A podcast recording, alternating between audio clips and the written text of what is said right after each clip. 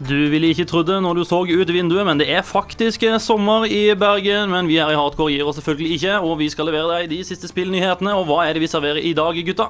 Det er en god del snasende anmeldelser. Eh, Lars her har sett på Alice Madness Returns, og jeg har sett nærmere på Shadows of the Damned. Eh, Vi skal også se nærmere på PlayStation Vita, og hvis du lurer på hva japanerne har gjort siden sist, så tar vi selvfølgelig for oss det også. Vi skal også ganske så snart innom Back to the Future-sesongen som er avslutta. Og eh, ja, det blir, det blir nok litt rumpeanimasjoner i dag. Mitt navn er Marius Jørmo. Mitt navn er Johan Lavrans Greif. Og Lars Solbakken er her også.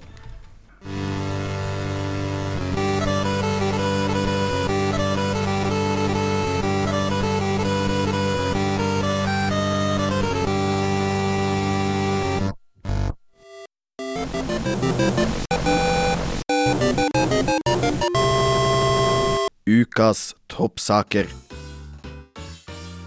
Det skjer fortsatt ting i spillverden, selv om det er sommer. Og en av de aller viktigste tingene som har skjedd, er en rettssak eh, som har foregått i USA. Eh, En lov eh, i California som forbyr, forbydde butikker å selge de mest voldelige spillene. Eh, Den saken har nå gått eh, helt opp til Høyesterett, og hva kom de fram til, Johan? Det ble eh, 7-2 til det beste laget, det vil si eh, oss eh, gamere. som nå er da spill beskytta som et eh, kulturelt uttrykk eh, i USA, på lik linje med bøker og musikk. Eh, Det vil da si at eh, butikker ikke trenger å bekymre seg for å bli rettsforfulgt eh, hvis de selger voldelige spill til noen mindreårige. Ja, Det var da først Arno Arnold Schwarzenegger som, eh, som innførte dette forbudet. Senere så ble det da videreført av Jim Brown, som overtok eh, etter Schwarzenegger trakk seg i California. Um, og det er jo mange som har vært eh, ganske så bekymra for akkurat dette her, og en del som har uttalt seg i ettertid også, som Cliff Blesinski f.eks., som eh, forteller at dette er han kjempefornøyd med. Og det samme gjør jo Ken Levine, som gir fist bump eh, til de sju eh, høyesterettsdommerne som, som kom fram til dette. Eh, hva tenker du eh, om den, hele denne saken her, Lars? Altså, det er jo ganske idiotisk hele greia, egentlig. For det man kan koke det ned til, er vel hvorvidt interaktiv vold er noe annet enn vold på film og deskriptiv vold i bøker og musikk. Og nei. Altså, det er massemord. Er jo gøy. Det, er, altså, det betyr ikke at jeg løper rundt med knivblader skjult i jakkearmene mine, selv om jeg liker å spille det på Assassin's Creed. Nei, det, heldigvis. Da, da hadde det fort blitt færre folk i dette studio, for uh, Assassin's Creed der må du jo drepe omtrent alle folk du kommer over. Uh, kjedelig nok, egentlig. Morsomt nok, egentlig. Ja mm, Smak og behag. Uh, uansett, i hvert fall, er du i California, du kan fortsatt kjøpe Bioshock og Gears of War og alle spillene du er så glad i, og det er vi også glad for at de spill faller under beskyttelsen av ytringsfriheten i USA. Eh, fra USA via Island, en eh, tur som du og jeg, Greif, for øvrig tok for ikke så lenge siden. Eh, CCP, som lager EVE Online, de er islandske. Og de har det vært mye skriveri om i det siste. Ja, de har vel prøvd å selge litt sånn å monetize eh, spillet sitt litt mer, og selge da eh, in game items for penger, ordentlige penger. Eh, det var et eksempel vi festa oss litt ved her. Det var en monokkel for 70 dollar. Frister det, folkens? Ja, for De har nettopp eh, lansert en ny oppdatering der du nå kan få menneskelige avatarer inn i spillet. Tidligere har du kun sett romskipet. Nå kan du også få din menneskelige avatar, og da kan du også kjøpe utstyr til denne avataren som, som ikke har noen betydning i spillet. De er bare estetiske, da. Altså, de, du kan se de.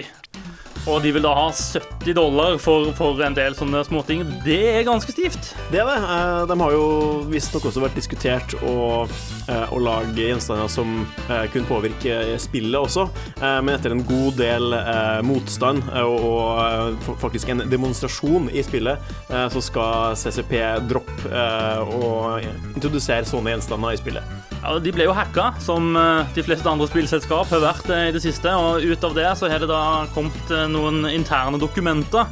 Det er jo litt usikkerhet på hvor ekte disse er, da, men hvis de er ekte, så ja, de som, Utviklerne i CCP fremstår jo som ganske usympatiske her, da. Eh, da de legger ut om eh, hvilken stor pengemaskin dette her er for dem, og hvordan de eh, videre kan prøve å utnytte gamerne til å gjøre seg sjøl feite, for å si det sånn. Det er jo ikke akkurat det imaget de har prøvd å selge, da. Det er det ikke. Det, er jo ikke bra at det kommer ut, men på den andre sida det er jo sånn det er. Altså, det, det er jo en business. Eh, det er jo eh, lett å glemme det av og til eh, når man gjør det mer sånn hobbybasert, men det er jo De skal jo tjene penger. Det er jo helt mulig. Det er jo derfor de driver på med det. Så jeg, jeg, jeg blir ikke sånn veldig sjokkert over det. Jeg, det er jo dumt at det kommer ut, men ja, jeg, jeg, lar meg ikke sjokkere av det. Men tenker, Hvis det er litt sånn, så kan du, da, da kan du gå ut og så kan du si det sånn med en gang. Altså, CCP har jo lagt seg på en linje der de eh, de forsøker å være veldig på linje med spillerne i spillet, og lar spillerne sjøl drive utviklingen. Eh, grunnen til at denne her nye utvidelsen kom, var nettopp fordi at det var spillerne som ønska dette her. sant? Eh, og da er det jo ekstra vondt for de da, eh, at det kommer ut. Ja, det, det, er verre for dem enn hvis det har vært EA, for eksempel, eller, eh, eller Activision. Ja, si sånn. ja, men nettopp Activision-sjefen har jo nettopp gått ut og sagt akkurat det. det vi vi driver ikke underholdning. Vi driver en beinhard bransje der vi skal tjene penger. Vi skal ta moroa ut av spill, var ikke det det fantastiske sitatet hans? Mm. Ja, det, det, sier sitt. Eh, men i hvert fall, eh, hvis du henger med videre i hardcore, så kan vi love deg mer moro om spill, så det er bare å bli med videre. Are you prepared to suffer to save your son? You have five minutes to cut off the last section of one of your fingers in front of the camera.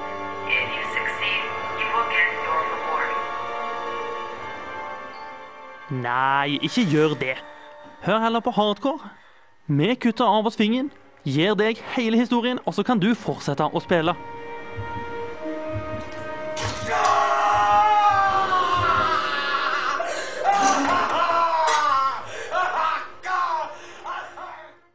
Forhåpentligvis eh, så måtte ikke du la oss kutte av så veldig mange fingre når du spilte Back to the Future-spillene. Hvordan har du opplevd det? Uh, det har jo egentlig vært veldig gøy. Uh, første episode, siden det er fra Telltale, som er veldig glad i dette episodebaserte sesongmediet. Uh, kom, den første episoden kom vel rundt juletider i fjor, og så ble den avsluttet nå før helgen, var det vel. Jeg tror ikke det har kommet på PlayStation Network og iOS ennå, men det kommer jo det også.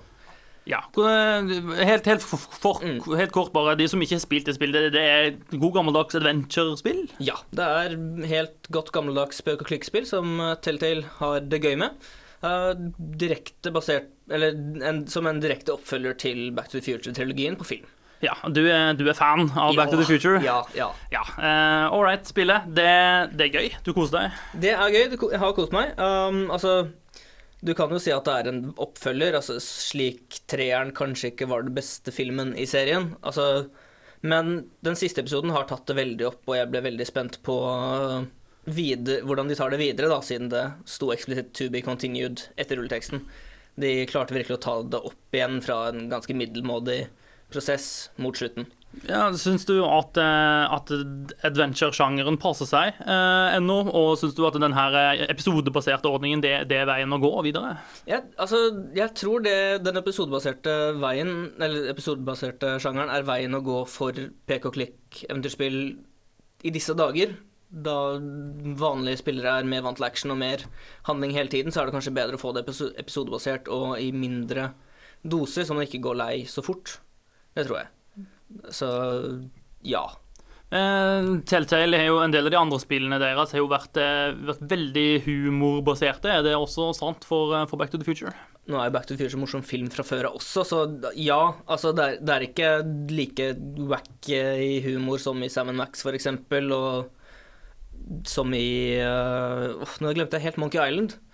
men det er definitivt morsomt. Det, og ikke bare er det det, er, gjen, det er bare selve gjensynene du har med de du kjenner fra sent 80-, tidlig 90-tall på film.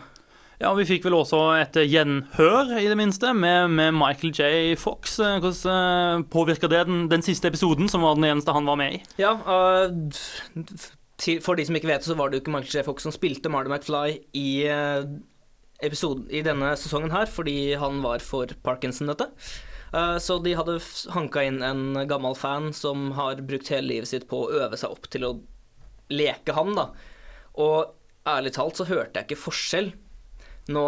Eh, jeg så jo filmen her om dagen også, pluss at Martin, uh, Michael J. Fox var med i den siste episoden som noen små biroller, og jeg hørte jo ikke forskjell på de to. Han stemmeskuespilleren som lekte, er jo så god.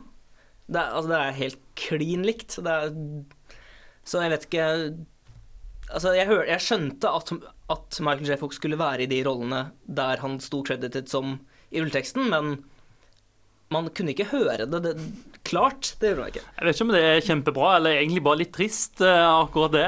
Eh, det, det En regner jo med da at det kommer en ny sesong, siden det har blitt annonsert eh, på slutten. Hva, hva, hva ønsker du fra den mer?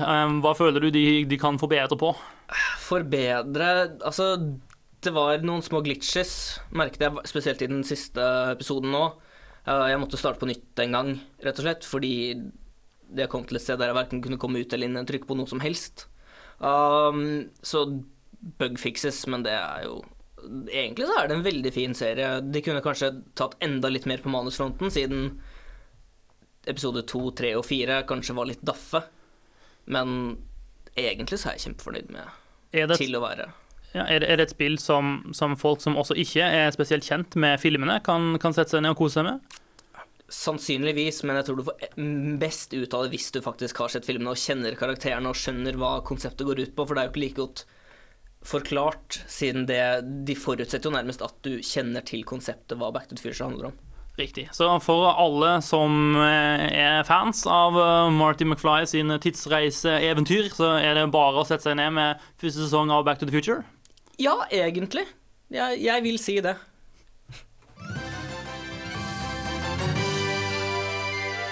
Du hører på Hardcore. Du, Johan, har sittet hjemme de siste par dagene med et spill som heter så mye som Shadows of the Damned. Og hva er egentlig det?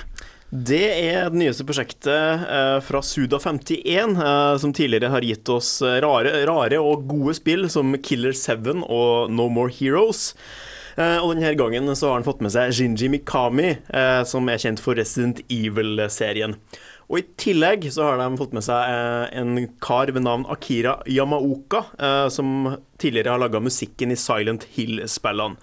Og sammen så har de laga et spill som heter Shadows of the Damned, og vi kan høre et lite klipp fra traileren til det spillet. Are you tired of having a regular sized, normal looking Johnson? Your Johnson is pretty decent. Does it get any bigger? Ooh, look what we have here. Have you ever thought to yourself, sure, one skull is nice, but four would be fantastic? Enlarge your Johnson. Oh my god, oh my god, oh my god, oh my god, oh my god, shoo-wee, shoo-wee, shoo-wee. Now that's the extension you're looking for. Let's take this pole for a stroll. Oh, are you hitting on me? Enlarge your Johnson. Her er det penisvits-bonanza. Eh, Er, det- er, det- er dette beskrivende for spillet? Eh, Det er det. Eh, Veldig tåpelig og cheesy tone. Historien er jo som vanlig ganske crazy når det er Suda 51. Det, du er da demondreperen Garcia fucking Hotspur. Og jeg sier ikke det fordi jeg liker å si fucking. Han heter Garcia fucking Hotspur. Og han får da kidnappa eh, dama si, Paula, av den onde demonen Flemming. Eh, og de reiser da ned til helvete. Ja, det, det gjør de. Hva, hva skal de til helvete gjøre? Eh, de skal til helvete, og da må jo selvfølgelig Garcia få tilbake sin fantastiske, elskede kjæreste Paula. Og derfor så må han eh, drepe haugevis av demoner. Altså, det er en, det er en kjærlighetshistorie, dette her, rett og slett. Ja, rett og slett en eh, Ja, vakker, nei. En, det er en kjærlighetshistorie. Jeg blir, jeg blir litt rørt. Ja, det er Ømt og romantisk. eh, Ja, veldig. Kanskje hvis du er litt spesiell, så er det litt uh, ømt romantisk. Men uh, ja, du skal i hvert fall prøve å finne, finne Paula i, i helvete, da. Hva er det du gjør i spillet da, for å finne Paula? Du skyter masse demoner, og det gjør du da i en Resident Evil 4-aktig stil. Uh, for dem som husker det spillet, det er da en tredjepersons skytespill. De har kommet med en sånn fancy nyvinning da, i det her spillet. Her kan du skyte mens du går. Hva, hva slags magi er dette? Ja. Det, hæ? Og Når det- skal denne science fiction her stoppe? Og det, for det, det kunne du jo ikke i, eh, i Resident Evil 4. Så det er egentlig en ja, litt raskere, bedre kontrollert Resident Evil 4 med en uh, veldig, veldig tåpelig historie, da. Eh, Du skal skyte masse demoner. Du møter um, zombie-demoner, maskekledde demoner, rullende demoner, strømførende demoner og demona som slår eh, penisvitsa. Han eh, er nevnt Flemming i stad. Han hoveddemonen han er veldig glad i penisvitsa. Og slår igjen sånn fem-seks av dem i løpet av, eh, i løpet av, eh, i løpet av spillet. Men hvorfor disse penisvitsene i det hele tatt? Um, det må du nesten spørre Suda51 om. Altså, er ikke, Eh, ikke det et av livets store spørsmål? Eh, Hvorfor penisvitser Ja. Ja. Og det, og det er litt sånn, eh, folk som hørte traileren, det er jo ikke eh, veldig raffinert eh, og god humor, egentlig. Eh, men det fungerer i, i settingen, da. Eh, det er det som gjør det morsomt. Fordi eh, det er ingenting som tyder på at utviklerne har sittet og tenkt ja, det her er utrolig godt skrevet og kjempemorsomt. De har mer hatt det gøy, da. Og målet har jo helt tydelig vært å lage en slags parodi på sånn type B-film av Grindhouse-konseptet, da, litt som eh, Quentin Tarantino har gjort, eh, har gjort tidligere. Så altså fargen og jeg vet, ikke om det er gjort med vilje, da, men det er en sånn teknisk Ganske stor teknisk feil i Shadows of the Damned. Eh, det har en del screen tearing, vil si at eh, bildet øverst flimrer eh, ganske jævlig innimellom. Eh, og gamle Grindhouse-filmer var jo kjent for å ha mye tekniske feil. Eh, så kanskje det er gjort med vilje. Eh, det tror jeg ikke. Jeg tror det er bare litt eh, slapphet, eller at de ikke rakk det før spillet kom ut. Så det, det, det trekker litt ned.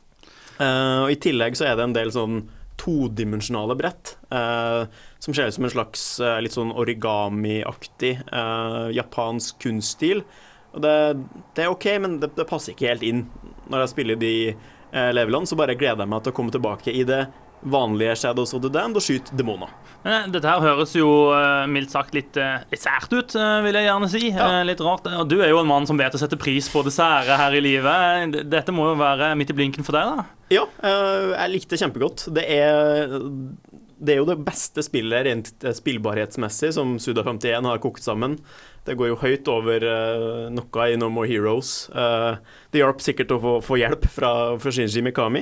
Uh, så ja, hvis, hvis du har hørt de penisvitsene her, eh, og ikke syns det var noe særlig morsomt i det hele tatt, og ikke vet at du ikke liker sære ting, så kan jeg nok ikke anbefale Shadows of the Dan men eh, har du den minste uh, eh, ja, følelser for særhet, liker du rare ting, eh, så er det her et veldig veldig godt actionspill som jeg anbefaler til alle. Are you denying that you strangled Mrs. Tarleton with a length of rope? I'm not denying anything. You have to have proof, lackey. Can you disprove what I say? Ja, Vi har jo spilt litt eh, LA Noir her, som du hørte i det lille lydklippet. Og ja, spillet handler veldig mye om at du må bevise at folk lyver. Eh, noen som eh, ikke har tenkt å lyve, er sjefen i Team Bondi, som lager nettopp eh, LA Noir. Han heter Brendan McNamara, og han eh, og firmaet hans har blitt beskyldt for å være ikke den beste, de beste sjefene, rett og slett. Ikke den hyggeligste plassen å jobbe på. Nei, folk har måttet jobbe ganske syke timeplaner. Eh, Det var vel snakk om en som jobba i 60 i uka, da i snitt 12 timer hver dag. Det var vel noen som hadde regna seg, seg fram til. Ikke fått betalt overtid, måtte jobbe gratis i helgene. Eh, Det var vel en, en av de hoveddesignerne som hadde slutta etter en ganske lang tid, tre-fire år, på prosjektet pga. sin egen mentale helse. eh, Sitat slutt. Eh, Så de har virkelig fått, eh, fått kjøre seg. Men nå har jo da Mr. Brendan McNamara svart eh, på alle de anklagene. Ja, og han er jo Jeg vet ikke om jeg vil kalle det forfriskende, men han er i hvert fall ærlig. Han sier jo blant annet at han er in, not in any way upset or disappointed by what I've done and what I achieved. Han sier at folk sine forventninger er rare. Weird, eh, ordet han bruker. Eh, han sier at eh, eh, folk forventer at du kan gjøre denne jobben uten å ta livet av deg sjøl. og det sier han det er jo rart, for det må du jo. Eh, du må jobbe ræva deg, rett og slett. Eh, og han sier at slik er det om du jobber i London eller New York eller hvor som helst. Du konkurrerer med de beste i verden, eh, og da er du nødt til å gjøre det som må til eh, for å kunne klare å konkurrere. Og Han sier også at hvis du ville ha en 9-5-jobb, så hadde du ikke vært i spillbransjen. Um, Sånn bør det jo ikke være. Altså, vi i Norge har jo en lang tradisjon med å legge det legger ting til rette når det gjelder arbeidsvilkår og sånne ting, men eh, dette høres jo ganske fælt ut. Ja, det, det er jo litt eh, samme eh, som eh, utover høsten. Nå får dere høre et intervju vi har gjort eh, med Obsidian. Eh, og når vi snakka med dem, så sa de jo litt det samme, at de ikke ville eh, anbefale eh, noen med familie, egentlig. At det var vanskelig å kombinere familie og, og spillejobb. Så det virker jo som det er et generelt problem i bransjen, da. At folk bare, folk bare godtar det. Det har bare blitt sånn. Overtid er noe du må, må gjennom. Det høres jo egentlig forferdelig fælt ut, men eh, altså det, er vanskelig å skjønne for, for oss som er utenfor bransjen, hvorfor eh, det må, må være sånn. Eh, men altså, spillbransjen er jo en internasjonal bransje, og det er klart at eh, når en har spillselskaper som er basert i ulike land, så vil det også bety at de ikke jobber under de samme forutsetningene i, i det hele tatt, både økonomisk eller i forhold til lovgivning og all slags slike ting. og det er klart disse tingene spiller inn. Og hvis du kan ha noen som er, opererer i et land der en har ja, slike kår som dette, da, altså når Team Bondi eh, går ut og kan faktisk tvinge sine medarbeidere til å jobbe time på time på time, uke inn og uke ut, uten å engang betale de for det, hvordan skal da Funcom klare å sitte i Norge og kunne konkurrere med de når de eh, er nødt til å forholde seg til de lover og regler som vi har her i Norge? Ja, nei, det, det, er veldig synd. Det, det, er jo eksempler på selskap Jeg husker ikke navnet nå i farten, men det var, det var et britisk eh, spillselskap som hadde eh, satt Det var 9 til 5. Det var 9 til 5-jobb, og det var det var en del helgejobbing rundt crunch time, altså når spillet må være ferdig og sånn, men til vanlige regelen var at vi jobber ikke overtid, og vi jobber ikke i helgene. Så det er jo mulig å få til. Hvilke jo... spill har de sluppet som vi husker? Uh, det er det jeg ikke husker. Jeg husker ikke navnet på studio i farten, dessverre. Men, men uh, det, det, er studio som har prøvd å, å kjøre en mer uh, vanlig stil, da, som det går an å, å, kombinere med det å ha et, et liv i tillegg. Men jeg, er altså likevel litt vanskelig for, for, å tro at spillbransjen er eksepsjonell på dette området. At her er konkurransen så hard at her må vi bryte lovene, mens at i andre bransjer så går det helt greit. Det må jo si da altså at enten så forekommer dette her i veldig, veldig mange bransjer, um, eller så egentlig bare er Brenton McNamara ikke den hyggeligste mannen i verden. Uh, og der er vel litt Eh, bevis på kanskje det siste? Ja, det er fra Team Soho, der han jobba før, i London. De laga bl.a. The Getaway. Eh, da var det noen klager på han, og da kom det inn noen sånne som skal ordne opp eh, konflikter i arbeidslivet. Og da hadde jo da Mr. Brendan blitt flytta fra der han satt, blant de ansatte, til å blitt isolert, da.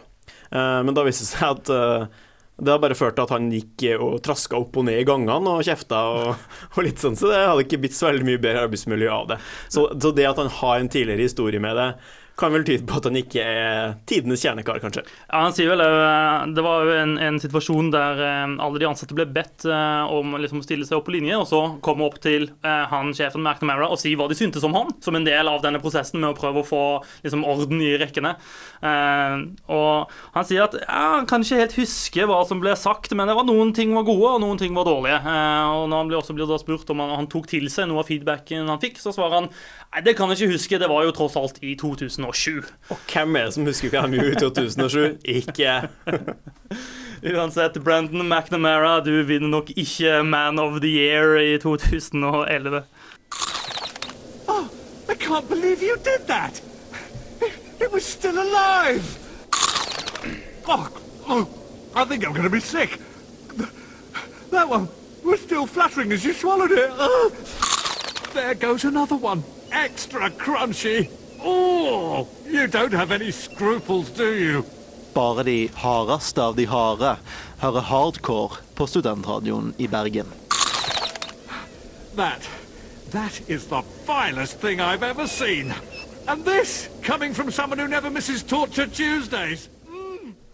Du og meg, Johan, vi var jo en tur eh, på E3, som vi kanskje har prata litt om allerede her ja. i Hardcore. Eh, men det har vi ikke tenkt å slutte med, fordi det var jo mye gøy der. Det var kjempegøy. Eh, en av de morsomste tingene der var jo at vi fikk prøve en del nye konsoller og sånn, og du fikk hendene dine på PS Vita.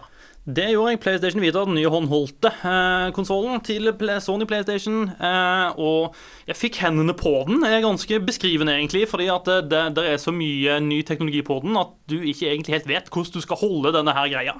Eh, for det at uansett hvor du planter nevene, så trykker du på et eller annet, og så skjer det ting. Altså. Ja hva, ja, hva er det som er nytt med den her i forhold til PlayStation Portable? Ja, det er en god del. Altså, den har eh, trykkskjerm, f.eks. Eh, den har to analogstikker, eh, som gjør at den da ligner mer på en, eh, en, vanlig PlayStation-kontroller, eh, og skal da også hjelpe til med at du skal kunne spille mer skytespill og mer actionspill. da.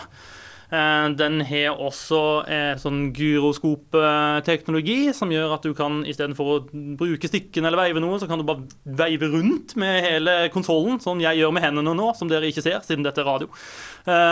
Og den har også et, et touch back panel, eh, som vil si at også bakpå eh, konsollen, der jeg er veldig glad i å plante fingrene mine når jeg spiller, der er det også eh, en trykkskjerm som du ikke kan se noe på, bare trykke på. Så det, det er veldig mye nytt ved den, og veldig masse sånn tekniske finurligheter. Og så er det jo bare opp, spennende å se da, om dette her er noe som faktisk kan brukes til noe fornuftig. Altså, Det virker jo nesten som om Sony går etter Nintendo med alt de har, og slenger én gimmick på den neste, og så enda en gimmick på den igjen, og, vi, og så vi, altså, Det er så mye touch at jeg blir skremt. Altså, funker det? Ja, altså det, det er vel ingen tvil om at det er Nintendo og 3D, eh, 3DS-en er det som er konkurrenten da, til, til, eh, til Sony og PlayStation. Og, ehm, Tja, er vel svaret. Altså, Foreløpig så er det jo ikke så mange spill ute til det. Jeg har prøvd uh, bare noen ytterst ytterst få spill foreløpig, og de er jo ikke ferdige ennå heller. sant? Så uh, jeg tror det kommer til å ende opp til sjuende og sist med egentlig kreativiteten til, til utviklerne, hvor, om, om de klarer å bruke dette her fornuftig. Men ok, for å starte med, med dual-stikkene, da, altså det at du har to analogstikker, det funker bra. Eh, det er fortsatt ikke den ordentlige actionfølelsen som det er med den vanlige, vanlige kon kontrolleren til, til, PlayStation, men eh, det er ganske mye bedre. og Det gjør at det faktisk er aktuelt å spille skytespill. Eh, jeg spilte jo bl.a. Uncharted, som jo er en, en del skyting, i hvert fall, og det funker helt greit der. Eh, det var da lagd av det samme firmaet som også lagde PlayStation Portable-utgaven av Resistance, som også var et skytespill. Eh, og Sammenlignet de to, så er det helt åpenbart at det er så mye bedre å ha to analogstikker. I tillegg så er de analogstikkene mye bedre enn analogstikker på den originale PSP-en, som var horribel. Um, Backpanelet ser jeg eh, akkurat nå ingen logisk bruk for i det hele tatt. Jeg syns det virker bare knotete, men igjen, kan være noen finner på noe smart med den. Det, det ble jo vist noen sånn Fortech-videoer som for så vidt kunne se litt interessante ut. Ja, de var vel om at du tok eh, fingrene bak på det bakom touchpanelet, og da fikk en, en eh, laga eh, forhøyninger i et landskap som fikk en ball til å rulle. da. Eh, det kan jo f.eks. brukes i et sånn fikst lite puslespill, eh, kanskje, da. Ja, og når det gjelder selve touch-skjermen, den syns jeg jo var eh, sånn som den ble brukt i en charted, i hvert fall, likte jeg ganske godt. Fordi at du spiller egentlig en charted vanlig med stikkene og knappene, eh, men så har du da den ene sida, høyresida av eh, touch-skjermen, er da også meny, så du bare trykker på der istedenfor å ha ting lagt inn på knappene og sånt. noe. Det, det funker egentlig helt greit, syns jeg. Du kunne vel brukt det til å klatre med også? Det syns jeg var en klar forbedring i den Uncharted-demoen. Ja, jeg likte jo ikke det, eh, men ja, det du kunne gjøre, var jo egentlig når du driver og klatrer. Så istedenfor å hoppe fra ledge til ledge, så kunne du da bare med fingeren bare swipe den stien du ønska skulle klatres, og så klatra Nathan Drake da automatisk. Det syns jeg jo da tar vekk hele poenget med klatringa. Eh, men det kan ikke smake behag. Men, men ja, det funker jo også. De brukte også touchskjermen til å ta såkalte silent kills. Når du snek deg opp på noen, så trykker du på han, og så tok Nathan Drake knekken på han. Så det, det funker også greit. Og det, det siste, den der gyroskop-greia, det, det, når du tok opp ei sniperrifle, eh, så, så ble da skjermen bare et stort sikte. Og da skulle du da bruke PlayStation Portable-skjermen til å, å sikte og, og, liksom treffe blinken din. Og det syns jeg var klønete og vanskelig. Jeg klarte ikke tilpasse meg helt akkurat det, men der, er, der vil jeg si at det er stor mulighet for at problemet ligger ved meg, og ikke ved selve konsollen. Hva syns vi om navnet, folkens? PS Vita det er jo alltid en diskusjonstema når det kommer nye konsoller. Vi fikk jo mye eh, tyn når det ble eh, offentliggjort? Altså, Kasirai, eh, sjefen i Sony, var vel ute og sa at Vita heter den, eh, for det er Vita det er latinsk for liv. Eh, og denne konsollen her da skal da eh, ja, viske ut linjene mellom eh, underholdningsprodukter og ditt virkelige liv. Eh, De sier det samme hvert år, gjør de ikke det? Det er jo mye det samme. sant? Dette her lukter bare PR-sprøyt lang vei. Det er en fancy formulering som egentlig ikke betyr noen ting som helst, og som ingen kan arrestere dem på. Eh, så men ja, jeg vet ikke. PS Vita, jeg syns det høres greit ut. Det, det klinger godt på tunga. Det kan ikke feiltolkes altfor galt på noen språk jeg kan. Ja, hvorfor ikke? Jeg, jeg kunne ikke kommet på så mye bedre. Altså, ja, det, det, klinger jo helt OK, men PlayStation i seg selv har jo en ganske klar vei. Altså, det er PlayStation, PlayStation 2, PlayStation 3, så hvorfor ikke bare PSP2? Det funker jo helt fint, det også. Ja, men jeg tror det kanskje de opplevde med PlayStation Portable at med de ulike versjonene de har gitt ut av den, sånt, så har det blitt et navneforvirring, rett og slett. da. Ja, med PSP 3000, PSP Slim, sånn mener du? Og PSP Go og Ja, altså, jeg, jeg tror etter hvert kundene og forbrukerne Jeg sjøl merker at liksom, hva, hvilken versjon er hvilken, og hva gjør hva. Altså, De prøver kanskje også å legge, legge PSP-en litt bak seg, siden det har, bare har blitt et hackerparadis og noe de nesten har gitt opp. Det er kanskje også mulig? Det, det, kan nok absolutt være. Eh, men uansett, mitt, mitt førsteinntrykk i hvert fall av PlayStation Vita er er positivt. Eh, og den, det virka som om det var kraftig nok eh, CPU i den også til å kunne kjøre ganske bra spill. Eh, Uncharted Golden Abyss så bra ut. Uh, og det er jo kanskje alfa og omega for ganske mange. Uh, og det virker jo som om PlayStation kjører ganske hardt på at det skal være mer enn bare pek og klikk-spill på den. Det skal være liksom ordentlig actionspill. Og hvis de får til det, så, så, kanskje de kan klare å få en del av disse hardcore-spillerne som vanligvis bare sitter på sine faste konsoller, til å også ta med seg en PSP i lommen.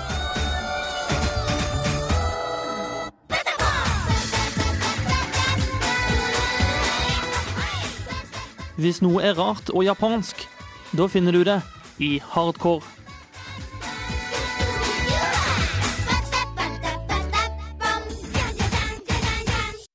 Ja, det er jo mye som er rart eh, som kommer fra Japan. eh, Og eh, ja, i dag så skal vi da innom en spillskaper som heter så mye som Yoshimura. Kenichiro Yoshimura. Og han er glad i rumpe.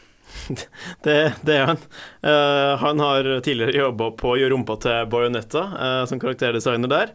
Uh, men nå har det de første bildene fra Anarchy Rains, det nye MMO-slåssespillet til Platinum Games.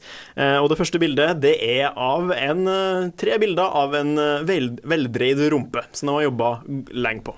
Ja, det, det, første character animation som kommer fra spillet, er da altså kvinnelig del der, som er kutta av ved lårene og ved midjen. Eh, og du får se fra ulike vinkler hvordan rumpe og fremstell og sånn ser ut, riktignok med en truse over seg. Men det er godt implisert uh, kjønnsorgan må jeg nesten si. Ja, det, det, kan man nok godt si, ja. Uh, og en kan jo lure seg litt på hvorfor dette er det første som kommer eh, fra, fra, spillet. Han, han, sier jo om, om Bajonetta, så uttaler han at eh, han virkelig hadde lyst eh, til at rumpa til Bajonetta skulle være perfekt. Uh, og han følger opp med 'I guess I'm into that sort of thing'. Uh, det forklarer jo en hel del. Ja. Uh, I like big butts and I cannot lie. Han skrev kanskje teksten for Sir Mix-Lot? Det ville ikke overraske meg. Eh, det ville det virkelig ikke. For eh, det Men, men vi lar oss jo likevel overraske av alt det rare som kommer fra Japan. Eh, og det er et spill som heter AKB48. En av 48. Det, det, er et verdenskjent spill som, all, som ble stor publikumssuksess i hele, ja, hele, verden, som jeg sa flere ganger nå. Det, nei. Nei. Det, Nei. Det, det, ikke vær kjempeoverraska om du ikke har hørt om det før. Eh, det kan være at du ikke har bodd under en stein likevel. Ehm, dette spillet skal da nå få en oppfølger. Ehm, vi kan jo begynne med tittelen på oppfølgeren. Ja, og det, det er AKB 148 nei, 48. When you fall in love with an idol in Guam. Prikk, prikk, prikk. Ja. Uh, in Guam, yes. OK. Så det som spillet handler om Grunnen til at det heter 48, og 1 av 48, er fordi at spillet har 48 såkalte idols.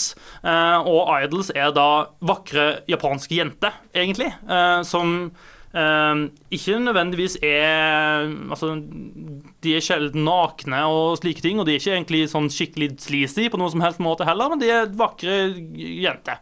Som gjerne synger litt sånn halvveis fint og Innimellom. Ja. Og er ganske ung. Veldig. Ja. I hvert fall ser ung ut. Ja, ser, ser ung ut, ja. Ja, øh, og, og hele, men hele poenget her da er jo at dette er ikke en datingsimulator som det fins eh, utallig mange av fra Japan.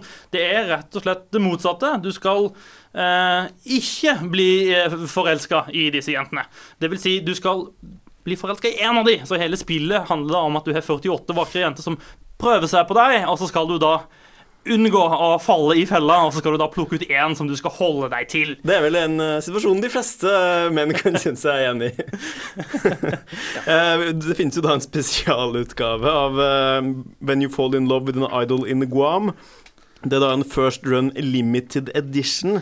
der du får med bl.a. en 120 minutters UMD med outtakes fra spillet. Eh, skal vi se, og så er det en 420 minutters making of. Eh? Og, og Fashion Collection eh, DVD-sett eh, på fire DVD-er. Hvem er det som lager en fem timers making of? Eh, Men ikke, det stopper ikke der. Du får ja. også et, et utvalg med bilder. Du får en Team 4 spesial-DVD. eh, Og du får 48 små plakater. Du får eh, eh, nedlastbare koder for 48 ulike tema. Og du får også med en Blu-ray-film eh, der du får med eh, det første spillet. Dette koster snedige 169 dollars. Eh, er det noen som har slengt seg på forhåndsbestillinger fra Japan allerede? jeg, så fort jeg hørte om det, så slengte jeg meg på en sånn liste med en gang. Det er, selvfølgelig må man ha dette spillet.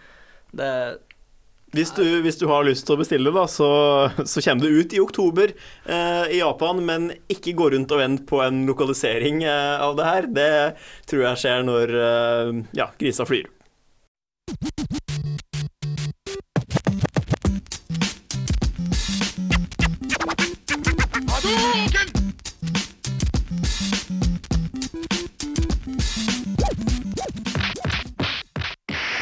Vi skal til dagens siste anmeldelse her i Hardcore. For du, Lars, du har sittet med Alice Madness Returns.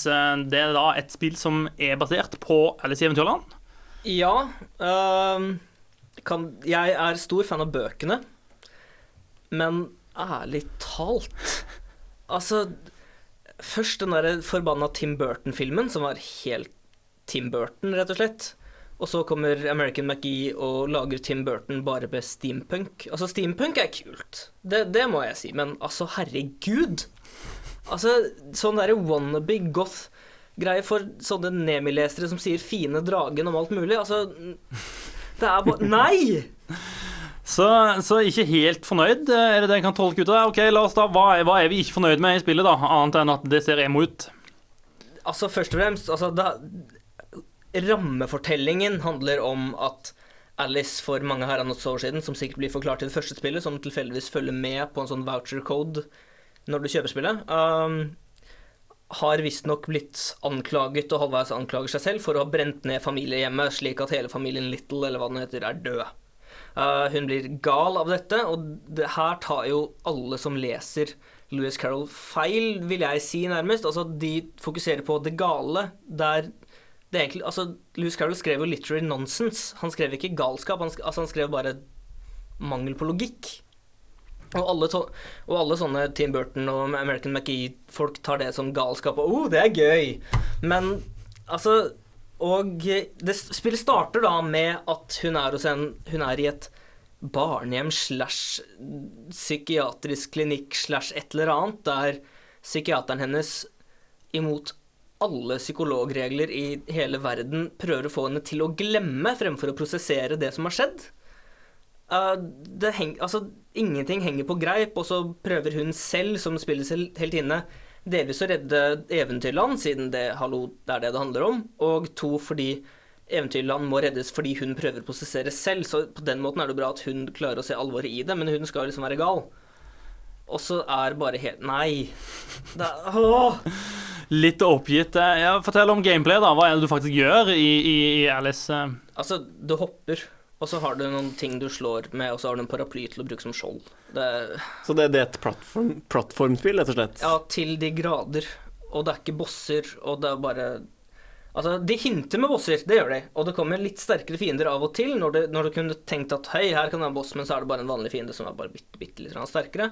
Og så, i, slu, uh, i slutten av hvert kapittel, så, da, så blir det teaset med en stor, svær mekaboss, sånn en stor robot. En blanding av allerede robotiserte versjoner av de som, de som er med i bøkene, som March Hare og Dormouse, hvis noen kjenner til dem. Og så kommer og den å så kule og ikke oppskrytte i det hele tatt Mad Hatter, som ser ut som et troll og dreper bossen før du i det hele tatt er ferdig med cutscenen, og så er neste, det kapitlet ferdig. Det er bare Det, det gir meg Det, det gir ingen det, det, gir deg ingenting. Det er bare Det er begredelig fra ende til annen. Uin, uinspirert gameplay, rett og slett? Ja. Men, men jeg må jo få lov til, til å komme altså, Dette med, med bossfighter har jo vært en av mine store kjepphester. Altså, jeg jeg syns jo bossfighter i nesten enhver sammenheng bare er utrolig teite. Må ikke, det må jo være befriende å slippe, slippe disse, tenker jeg. Ja, men når dette spillet er så ræva at du går og venter på Kan det ikke skje noe stort snart? Og så prøver de, og nei. Nei, vi, vi Haha, så du det? Det blåste vi. Det, altså, det, det er ingenting som er stort med dette spillet. Er det, er det noen fiender som har store, glødende røde punkter på den klassiske boss-måten? Uh, nei. Nei, ikke det heller. Eller jo, det er jo en kaff... Det er, det er en te... Det er en teapot som har et rødt øye som du skal skyte med pepperkvernen din. Og så skal du slå den med Vorpal Blade, som vanligvis ser ut som et stort sverd, men som bare er med et liten dolk. Men, er men, men du liker ikke estetikken i det hele tatt heller? Altså, Det ser ikke bra ut heller? Altså, På en måte ser det bra ut, og de følger jo, de følger jo steampunk-stilen, som er kul, men så blander de inn disse forferdelig godt-elementene, som bare får det til å se teit ut allikevel, selv om steampunk. Så oppsummert, dette er ikke et spill for noen. Altså, hvis du er sykelig opptatt av Nemi og Tim Burton, så vær så god, men det er jo ikke bra. Det er Nei.